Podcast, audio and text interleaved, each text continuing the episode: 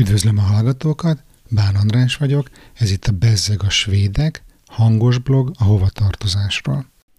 Tudod, mi az a kognitív diszonancia?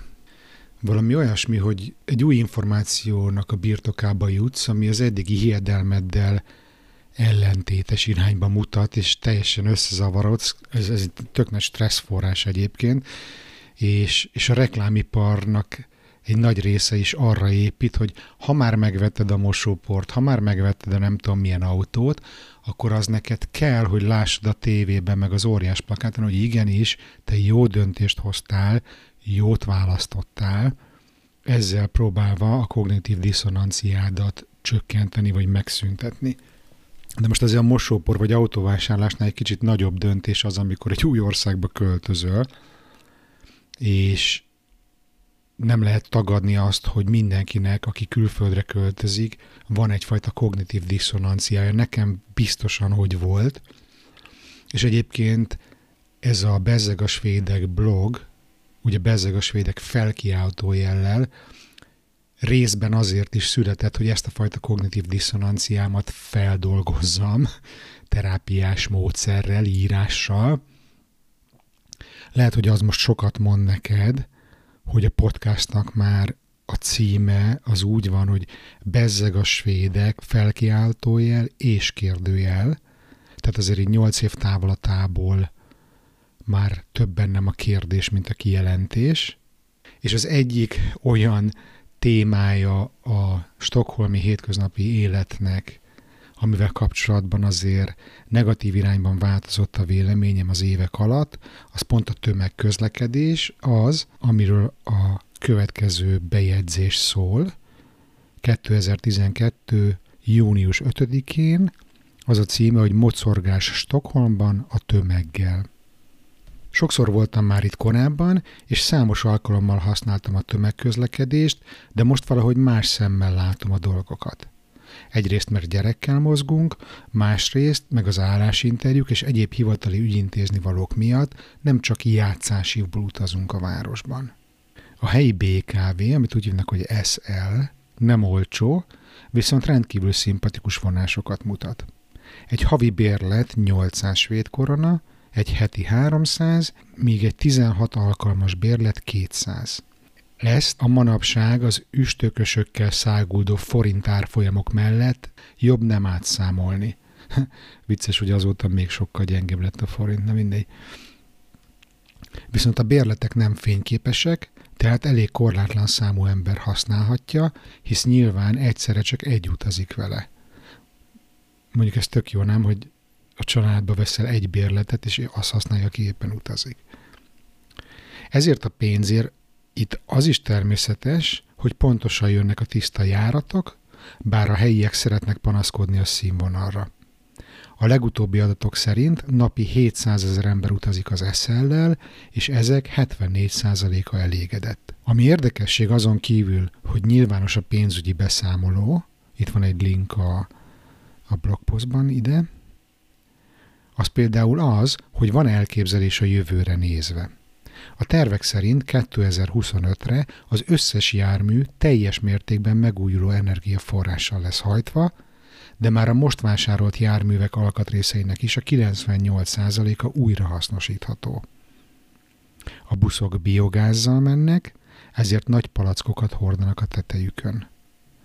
Most egy pillanatra behúnyom a szemem, és látom a hupikék törpikére festett BKV buszból kiömlő kormot, és óriási füstpamacsot. Stockholmban a blitzelés ismeretlen fogalom, hiszen a metróba kapunk kell bejutni az elektronikus jeggyel, a villamoson kalauz van, míg a buszon az első ajtónál kell felszállni és mutatni a jegyeket, bérleteket. Viszont ha babakocsival vagy, akkor ingyen utazol a buszon, hogy ne kelljen kellemetlenkedni az első ajtónál. Ezek után nem meglepő, hogy ma alig fértem fel a buszra a gyerekkel, mert már három babakocsi parkolt középen. Itt amúgy is rengeteg a gyerek, megvan a négy kerék, három gyerek koncept a mindennapokban, de erről talán majd egyszer külön megemlékezem majd. Pesten kizárólag hordozóval mert elindulni a feleségem a gyerekkel, mert lehetetlen lejutni például a leheltéri metróhoz. ide most megint zárójel, hogy ugye azóta föl, fölújították, vagy legalábbis elkezdték felújítani a budapesti hármas metrót, és nem tudom, hogy még mindenki emlékszik-e kedvenc főpolgármesterünk Tarlós István szavaira, hogy hát minek lift a metróba, a mozgáskorlátozottak úgy sem utaznak metróval. Na, itt bezárom a zárójelet. Itt Stockholmban minden állomáson liftek vannak, de még a legrégebbi lepattant megállóknál is elhelyeztek két fémrámpát, amin simán leföl lehet tolni a babakocsit. Szerintem ennyi nálunk is bele kéne, hogy férjen. Sokáig hittem azt, hogy Stockholmban százszor több mozgáskorlátozott van, mint nálunk, de aztán rá kellett döbbennem, hogy nem, csak ezzel az infrastruktúrával van esélyük kimozdulni otthonról. Ami még szembetűnő különbség, az az utazó közönség. Mind szociális összetétel, mind viselkedés tekintetében. A színes kavalkád jellemző minden nyugati nagyvárosra, nem helyi sajátosság. Itt viszont egyelőre nem tudom megállapítani, hogy ki a csóró és ki nem. Mert mindenki kultúráltan néz ki. Nem érzem magam szarul öltőnyakkendőben a metrón. És bármennyire mondják, hogy a skandinávok befelé fordulnak, a tömegközlekedési eszközön ez nem nyilvánvaló. Sokan jó hangosan, fesztelenül beszélgetnek egymással, Tegnap meg egy tini csajbanda próbára menet, gondolom legalábbis, mert gitár volt náluk meg Nirvana póló, szép halkan egy Queen számot énekelt a metrón. Én meg mosolyogtam. Azon a metrón, aminek három fővonala van, de mégis rengeteg végállomása. Ezért figyelni kell, hogy az adott vonalon hányas számúra száz föl. Ebből is adódik, hogy egy vonal oda és vissza nem ugyanazon a peronon mozog, hanem különböző szinteken.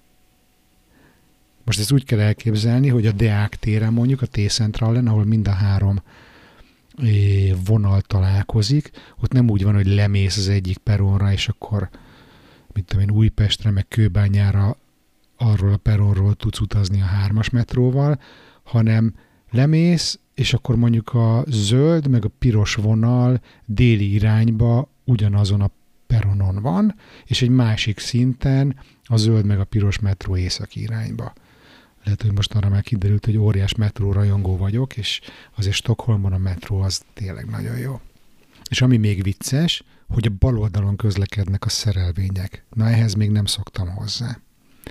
Egyébként itt nem attól metró a metró, hogy végig a föld alatt jár, csak ott, ahol tényleg szükséges, bent a belvárosban, aztán kimegy a föld fölé.